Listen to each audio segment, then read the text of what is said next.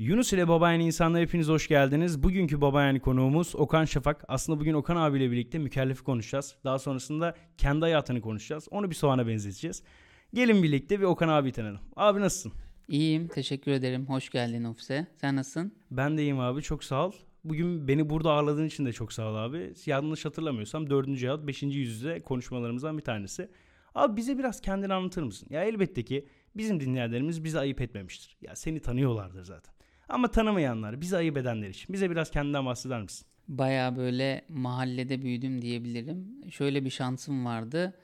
Dedemin bir sineması vardı. Ben de böyle bir sinema, açık hava sineması düşün. Orada işte yüzlerce sandalyenin arasında evcilik oynayarak büyüdüm. Tek hayalim böyle bir film çekmekti aslında. Küçük küçük böyle filmler çekiyordum. E, üniversitede hatta iş hayatıma başladığımda bile sürekli böyle bir yerlerde arkadaşlarımın videolarını çekip onlardan böyle filmler yapıp hatta mesela şimdiki eşime evlenme teklif ederken de böyle bir video yapıp çektim. Öyle bir hayalim vardı. Onun için hem seninle bu işi yapmayı hem de ekran karşısına çıkıp bir şeyler yapmaktan hiç çekinmedim, çekinmiyorum da. Öyle başladım. Sonra e, bir özel okula gittim, liseye gittim Sakarya'da. E, aynı zamanda Sakarya Spor'da futbol oynama hayaliyle gittim. Diğer hayalim de futbolcu olmaktı. Her Türk genci gibi ya, fut, ya popçu ya dedim topçu olacağım. Sonra orada 4 yıl boyunca okudum Sakarya'da. Sonra Okan Üniversitesi'ne geçtim.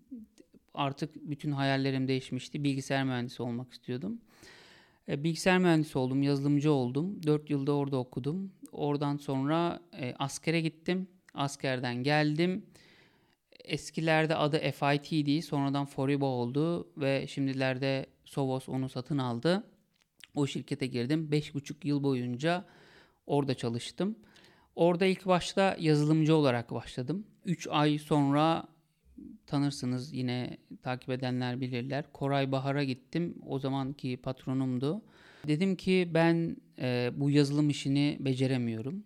Çünkü ya kolay yapılabilir di ilk başta. Tabii ki e, çok değerli insanlar yapıyor. Çok zor farkındayım ama bana o zaman anlattığı şeyler kolay gibi geliyordu ama o ekranlarda e, o kadar vakit geçirmek bana göre değildi. Bir hep böyle diyorum ya işte ben ekibin videosunu çekiyordum mesela. Ya da işte proje yönetimi yapmak istiyordum ya da pazarlama ekibinde rol almak istiyordum. İşte Okan Üniversitesi'nde birazcık sosyal medya tarafına destek olmuştum. Kendim Photoshop'a ilgim vardı. Öyle şeyler yapmak istiyordum. Sonra ben istifa etmek istediğimi söyledim. Koray bana kabul etmedi. Dedi ki sana başka şeyler veririz gitme. Sonra beni test ekibine aldı. Bütün o yazılım yapılan işte ekip harika bir ekip vardı orada. 13 kişilik dev bir kadro vardı. Sonra ben onları test etmeye başladım. Geceler mesela bu test biraz hoşuma gitmişti. Çünkü çok inanılmaz senaryoları deniyorduk böyle. Geceler boyunca o ofiste kalıyorduk. Çok büyük şirketlerin verilerini işte yine çok büyük rakamlarla test ediyorduk. Sonra o, o işten de birazcık sıkıldım. Dedim ki başka ne var? Dediler ki destek ekibine geç. Birazcık destek yaptım. Bu arada hep 3 ay 3 ay sürüyor. Destek ekibiyle beraber müşterilerin sorunlarına cevap bulmaya çalıştık. Çünkü test ederken birazcık ürünü ve yazılım yaparken birazcık ürünü anlamıştım. Destek ekibi de 20 kişilik bir ekip kurulmuştu. İlk defa kuruluyordu. O ekipteydim. Sonra tahmin edilen oldu ve ben yine çok sıkıldım pazarlama ekibine de hep bir sürekli göz kırpıyordum. İşte bir ürün çıkartacaklar. Beni yanlarına çağırıp Okan işte sen yaratıcısın bir ürün çıkartacağız bunun adı ne olur dediler. Burada böyle bir görsel yapmak istiyoruz sence ne yapalım işte ne bastıralım ürün olarak broşürde ne yer alsın gibi böyle fikirlerimi aldılar. Sonra ben gündüzleri destekteydim akşamları da pazarlama ekibinin işlerini yapıyordum. İşte 1000 lira maaş alıyorum diyelim 500 lira da onun için alıyordum. Böyle tüm günümü ben o şirketi çok seviyordum. Hala da çok seviyorum. Bütün günümü akşam dahil olmak üzere çalışıyordum. Çalışmayı da çok seviyorum. Hala öyleyim yani. Yine bir e, hiç çalışmıyorsam bir 15-16 saat çalışıyorum yani. Sonra bir pazarlama ekibi kuruldu. Artık çünkü çok büyümüştük. Müşteri sayımız binleri geçmişti. Bir pazarlamanın ekibi kuruldu ve üst düzey bir yönetici aldılar dışarıdan SAP'de çalışan iki kişi aldılar. Biri satış, biri pazarlamaya. O bana yapacağı sistemden bahsetti ve sen bunun neresinde yer almak istiyorsun dedi. Ben de bütün ürünlerin şimdi bir ürünü pazarlarken 50 tane adım var bizim yaptığımız. Bu 50 adımı belirleme işi var ve bu 50 adımı bütün ürüncülere e, yaptırmak var. Mesela bir tanesi bu ürünün broşürü olacak mı? Bir tanesi bu ürünü nasıl hangi kanallarda pazarlayacaksın? Bir tanesi bu ürünün fiyatı ne olacak? Gibi 50 tane adım belirledik ve bu adımları bütün ürüncülerle beraber yaptık. Mesela bir, bir ürünün sunumu olmalı ve bu sunum içerisinde en az 18 maddeye ayırdık bunu da ve bu maddeler yer almalı. Her ürünün 2 dakikalık bir duası vardı ve bu e, elevator pitch derler ya 2 e, dakikada 3 dakikada sen bu ürünü müşteriye nasıl satarsın cümlesini çıkarttık. Bunun yanında işte hepsinin böyle uzun uzun sunumlarını, hepsinin bir pazarlama broşürünü, hepsinin bir videosunu, hepsine ayrı özel bir web sitesi hazırladık. Fiyatlamaları belirledik. Kendin kaça satacaksın? İş ortağın bunu kaça satacak? İş ortağının da iş ortağı gelirse ona ne kadar komisyonunu vereceksin gibi bütün ürünün yönetimini yaptığımız bir işten geçtim ve bu işten çok keyif aldım.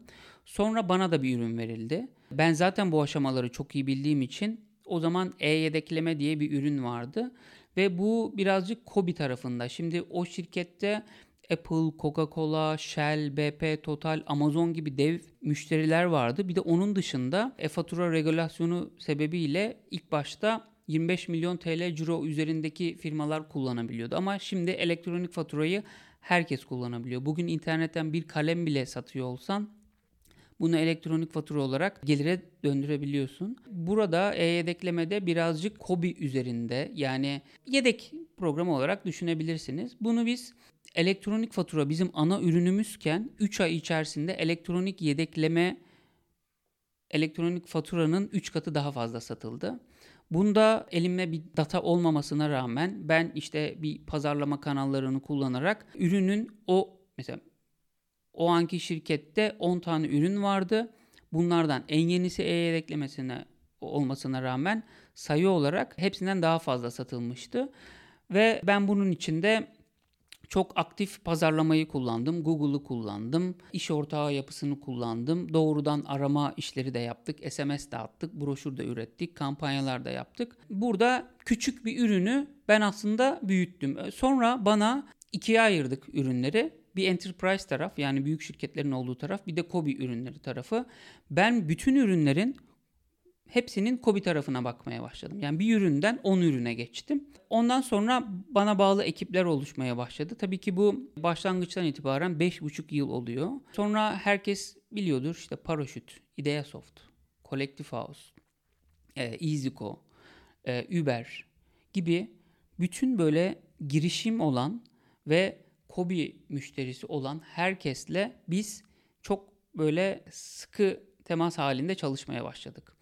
Ben sadece paraşütten kendi şirketime 3500 tane müşteri kazandırdım. Uber'den 3500'den fazlaydı. Toplamda 10.000 araçtı. Yaklaşık yine o civarda bir müşteri kazandırdık. Bununla beraber diğer kanallardan işte Webrazi'den bir duyuru yapıyorduk. Onlarca müşteri geliyordu. O ne diyor öyle bir kampanya yapıyorduk. Bir sürü müşteri geliyordu. 12 bin müşterisi vardı ben oradan ayrıldığımda FIT Foriba'nın. Bunların bin tanesi büyük müşterilerdi benim ilgim olmayan ama 11 bin tanesinde benim ilgim vardı. Ciro anlamında evet bizimkilerin cirosu çok fazla değildi ama baktığın zaman müşteri sayısı çok değerli ve 11 bin e, müşteriden sorumlu bir kişi olarak oradaki görevimden ayrıldım. Onun sebebi de Uber'le yaptığımız bu hikayeyi şöyle bir şey yaptık Uber'le. Yolculuklar sonrasında elektronik faturalar kullanıcılara hemen gelebiliyordu. E, müşteri girip Uber uygulamasından faturasını talep ettikten birkaç saat içerisinde faturayı alabiliyordu. Sonra bu işi başka kimlere yapabiliriz diye düşündük ve Scotty ile bu işi yapalım dedik. Oradaki Uber'deki turizm şirketlerinin hepsinin bir şirketi vardı. Olmayana da git şirket kur diyorduk. Ama Scotty'deki kuryelerin hiçbirinin şirketi yoktu. Hadi git şirket kur gel seni faturaya geçirelimden Biz hadi gel şirketini de biz kuralım modeline geçtik. Ve mükellefi bir kahvaltı yaptık bir ekiple. Dedim ki ben artık buradan ayrılıyorum. Mükellef diye bir şey kuracağım. Yapacağım işte bu. Sağ olsunlar herkes bana anlayışla karşıladı. Ve o ekipten ayrılarak mükellefi kurdum. Buraya kadar her şeyi anlatmış oldum. Aslında abi şöyle Koray abiyle birlikte bir hikayem var aslında başlangıçta. Onun da ilk sezonda sanırsam 6 ya 7. bölümde onu da konuk etmiştik. Böyle birçok kişi konuk ettik sektörde. Ondan dolayı çok mutluyum bu konuda.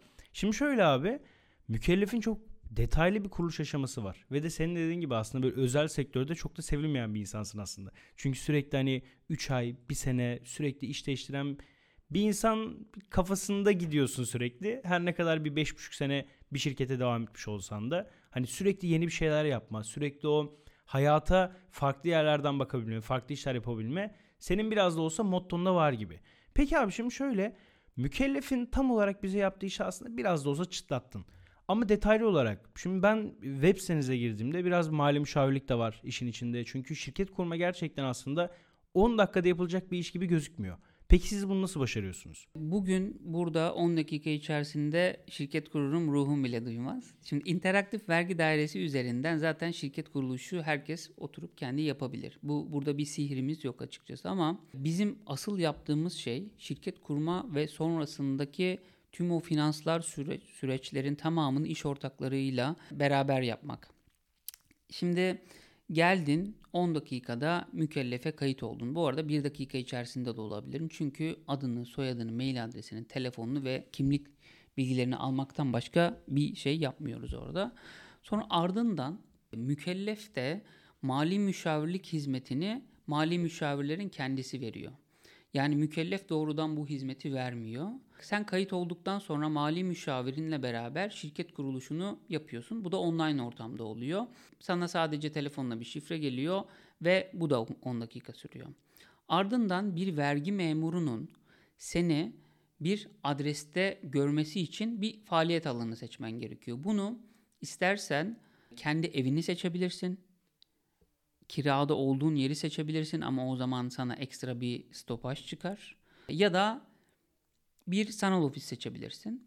Mükellef sanal ofisini seçebilirsin veya kendin dışarıda anlaşmalı olduğun bir yerde bunu yapabilirsin. Şimdi vergi memuru gelir.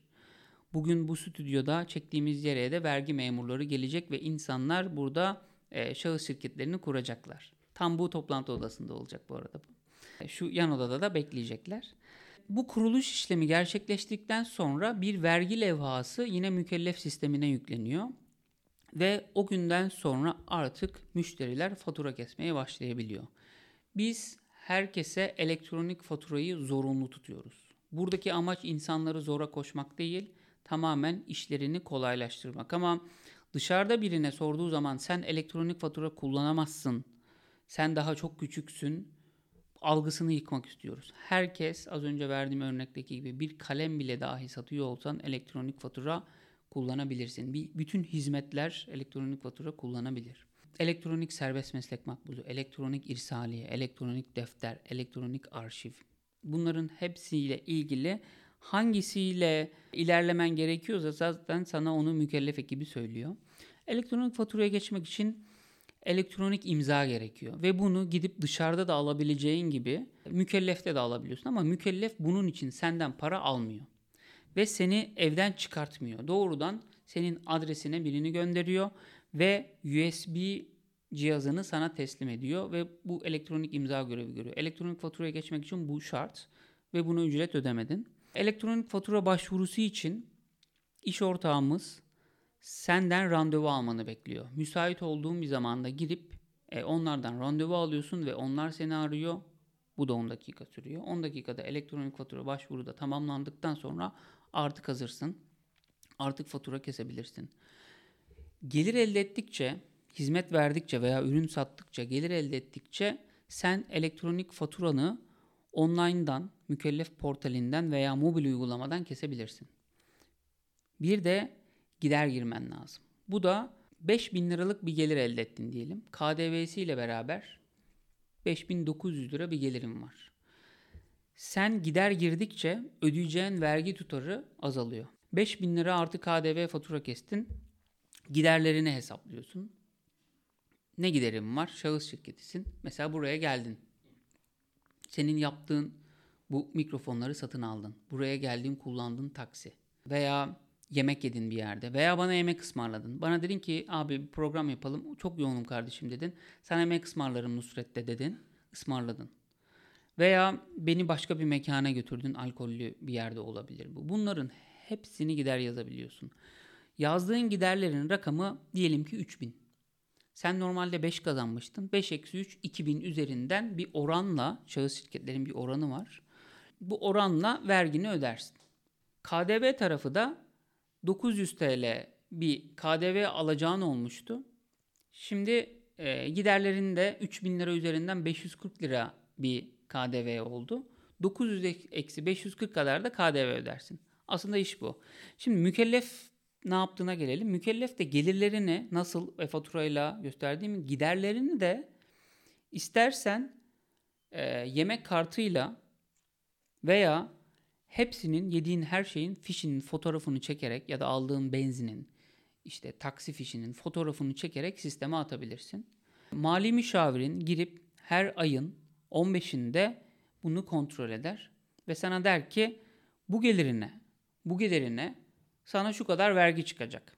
İstersen bunu onayla, istersen 3 gün bir kontrol et. Eğer 3 gün içinde kontrol etmezsen bu otomatik onaylanır çünkü yasal bir süresi var bunun ve beyannamen verilir.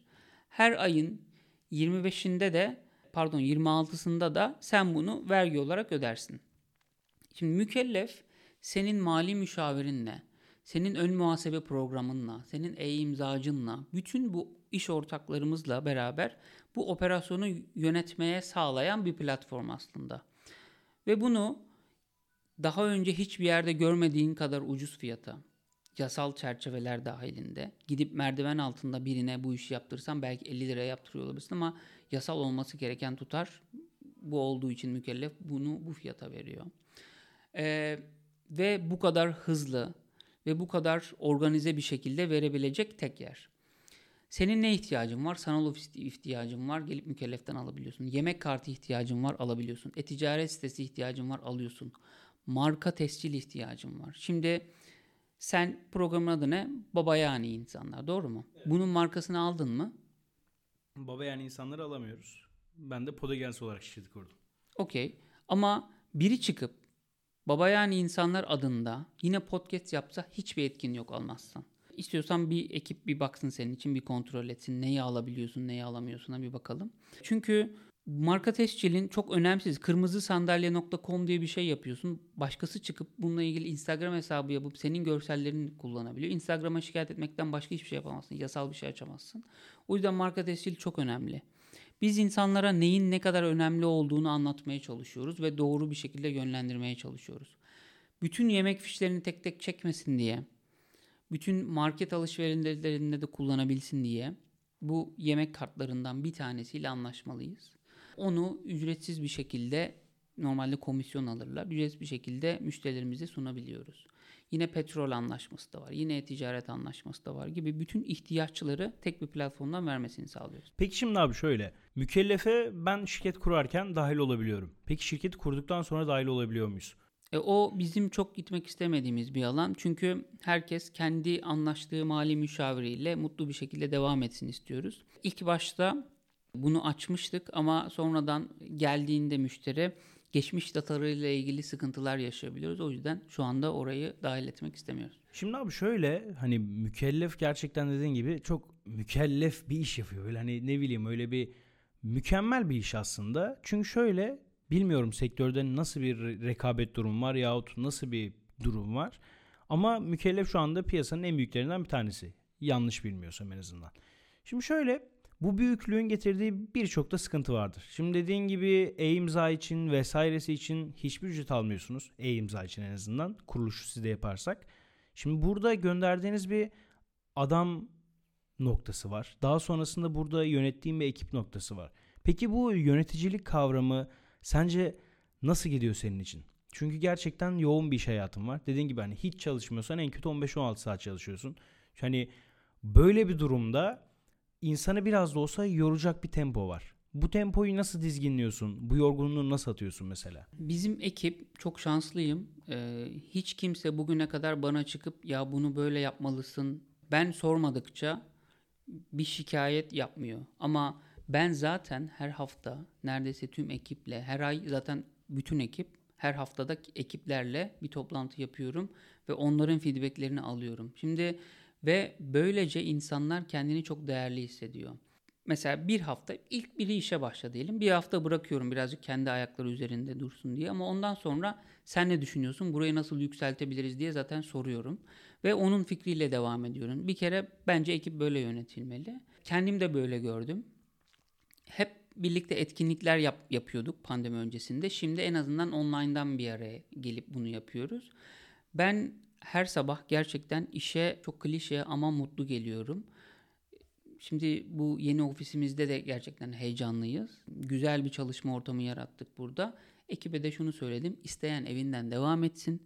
İsteyen haftanın istediği gün ofise gelsin. İsteyen istediği kadar ofise gelsin. Böyle bir seçenek sundum ekibe. Bununla ilgili de geçen hafta bir LinkedIn'de post yayınladım. Acayip beğeni aldı. Her karar arkadaşlarımın kendisinde. Çünkü evden çalışmak rahat. Farkındayım. Ama evden sıkılan insan da gelip burada vakit geçirsin istiyorum. Ben bu ekibi nasıl yönetiyorum? Dediğim gibi herkese kendi sorumluluklarını vererek, kendi kararlarının kendi vermesi gerektiğini anlatarak yönetiyorum. Benim için ekip yönetmek çok basit ve çok keyifli. Çünkü herkes kendi kararını kendi veriyor. Bir organizasyon yapısı var tabii ki. Ama dediğim gibi fikirler çok önemli burada. Şöyle düşün. Mesela chat'e bakan biri var. Ve orada her gün yüzlerce insanla konuşuyor. Sen ona çete bunu yazacaksın diyemezsin. Chatte neler oluyor sormak zorundasın. İnsanlar neler soruyor ve ona göre ürünü birazcık hani aşağıdan gelerek ürünü değiştirebiliyorsun. İnsanlar bize çok fazla neden bir kargo anlaşmanız yok dediği için biz bir kargo şirketiyle ilerliyoruz ve bu bana e, o arkadaşımdan geliyor. Telefonların yoğunluğunu takip etmeye çalışıyorum. Ürün içinde yapılan değişiklikleri böyle bir e, roadmap'imiz var elbette ki ama ufak ufak değişiklikler, nereye doğru evrilmeliyiz sürekli ekiple beraber konuşuyorum. Ekiple ilgili anlatacaklarım aslında bu kadar ama benim tarafta yönetme tarafında, kendi çalışma tarafında eğer girişimciyseniz çok çalışmak zorundasınız.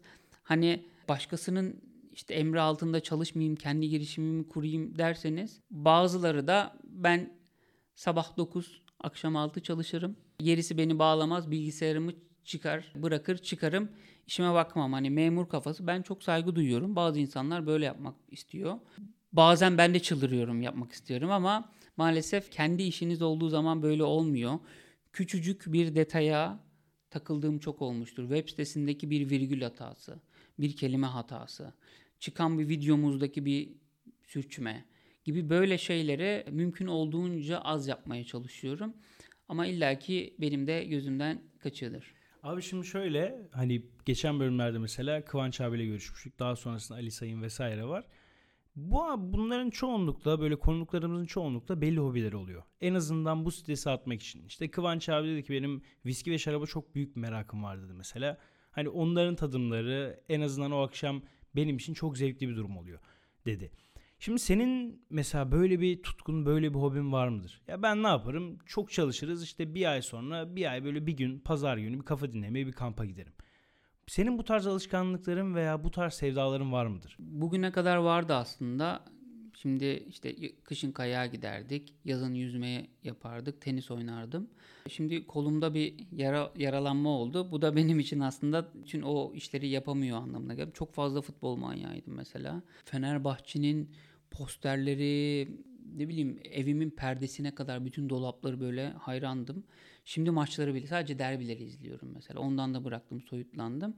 Ama ne var diyebilirim? Film tutkum devam ediyor her akşam olmasa bile haftada en az iki defa, üç defa hafta sonları kesinlikle film izliyorum. İşte bir ses sistemi var, bir ışık sistemi var. Televizyonum da o anlamda hani çok değer verdiğim böyle objelerimden bir tanesi. Onu yapıyorum diyebilirim. Yani o birazcık benim stresimi atıyor diyebilirim. Abi şimdi şöyle yavaş yavaş senin hayatına senin o hayata bakış açına geçmeden önce son olarak böyle son zamanlarda rövaşta olan en azından genç girişimci desteğini sana biraz sormak istiyorum. Ben de bundan faydalanan adamlardan bir tanesiyim. Şahıs şirketi olarak işte Bağkur vesaire bunlardan faydalanıyoruz. Peki yani mükellefin bu kanatta nasıl bir desteği var? Çünkü bunlarda bir tebligat gerekiyor. E-tebligat vesaire. Hani bu kanatta mükellef yardımcı oluyor mu? Yoksa daha sonrasında tamamen mali müşavirle şirketin arasına mı bırakıyorsunuz? Zaten mükellefteki bütün mali müşavirler, e, mükellef kullanan, yazılımını kullanan bütün mali müşavirler bunu yapacaklarının bilgisi kendilerinde var. İlk şirket kurma başvurusu geldiği anda biz diyoruz ki bir dakika şirketini kurma. Önce bir git COSGAP'den eğitim al. COSGAP'in 8 saatlik bir eğitimi var ve bu eğitimi aldıktan sonra insanlar 5000 liralık bir şirket kuruluş desteği alabiliyorlar. Bunu neredeyse tüm müşterilerimiz alıyor. O yüzden biz önce bunu anlatıyoruz. Ondan sonra şirketlerini kuruyoruz. Şirket kurduktan sonra da 18-29 yaş arasında genç girişimci desteği var.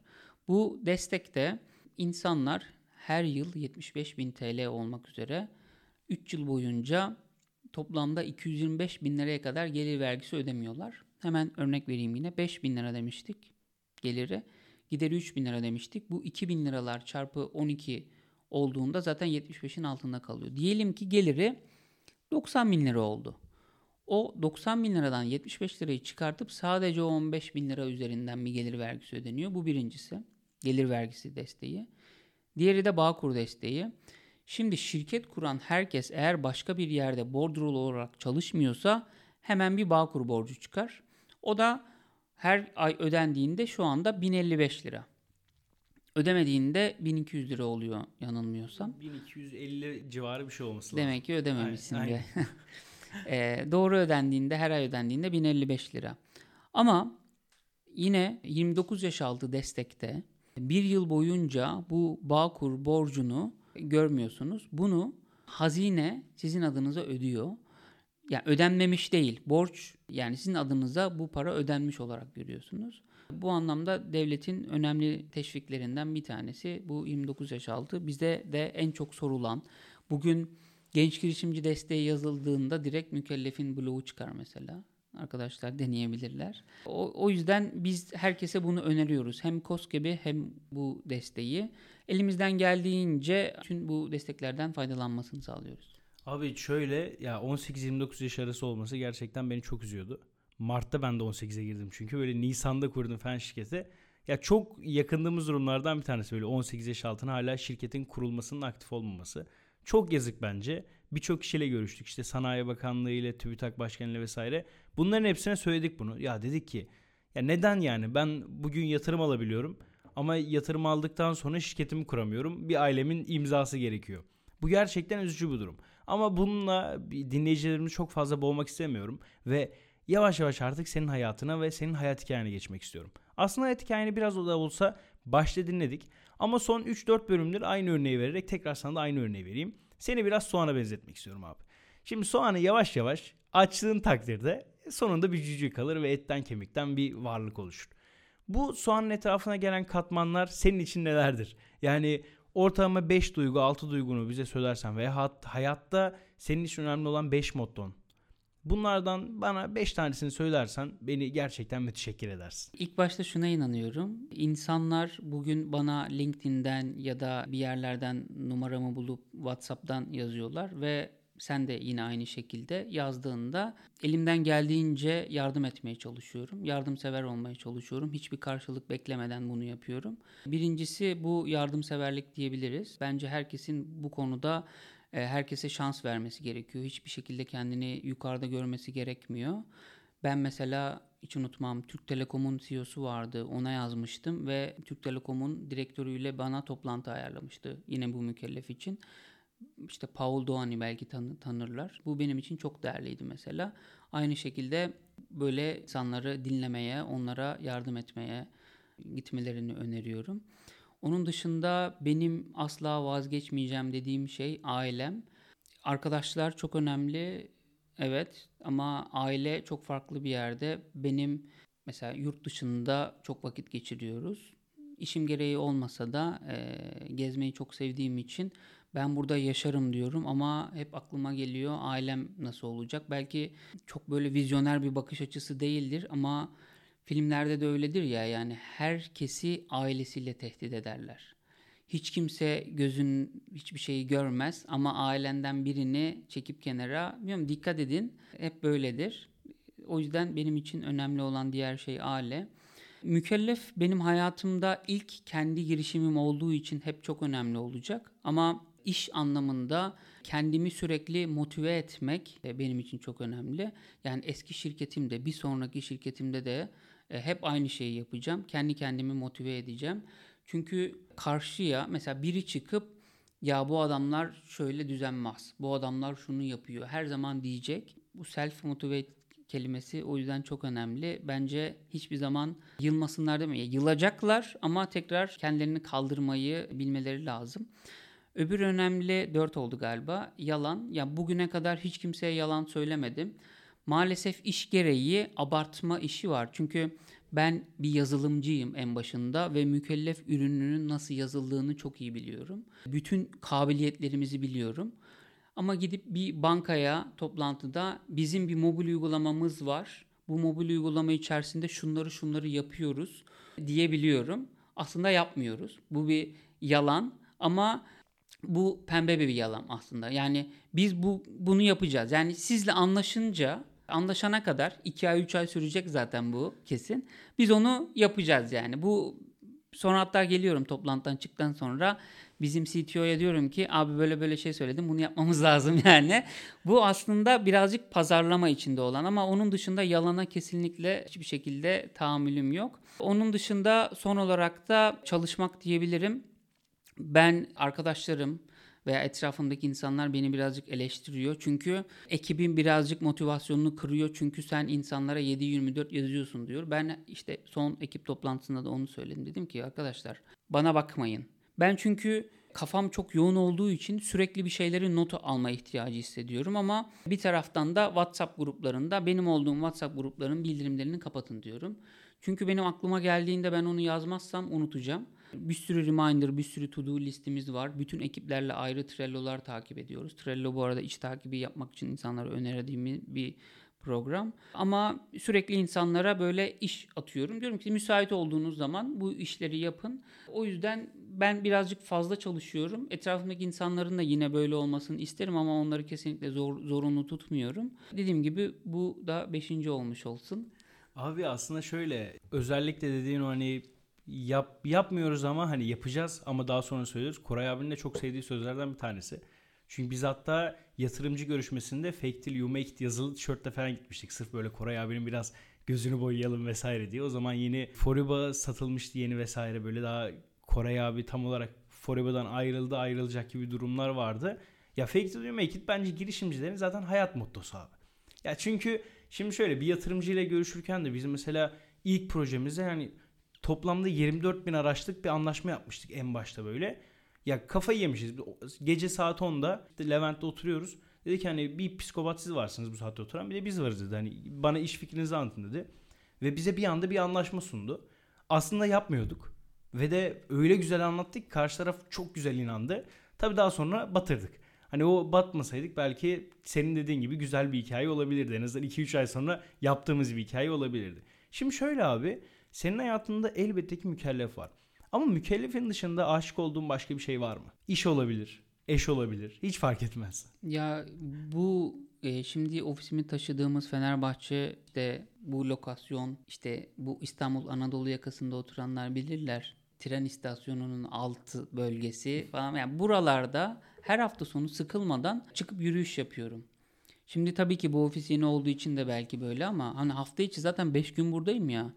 Cumartesi günü ve pazar günü buradaydım ben yine. Ne yaptım? Evden çıktım. Caddebostan'da yürüdüm ve buraya geldim. Sahilde yürüdüm. Ya bu bölgede dolaşmayı çok seviyorum. Onun dışında ya Türkiye'de böyle hani e, sürekli bir yerlere gidiyorum. Mesela eşim de yine benim gibi boş bulduğumuz her an bir yerlere kaçmak istiyoruz. Mesela pandemide herkes evdeydi ama biz 8 ülke gezdik. Ve işte her yere vizeler kapalı, ülkeler almıyorken biz 10 günde mesela 4 ülke değiştirdik ve dört defa hepsinde işte birbirinden geçmek için korona testi olmak gerekiyordu.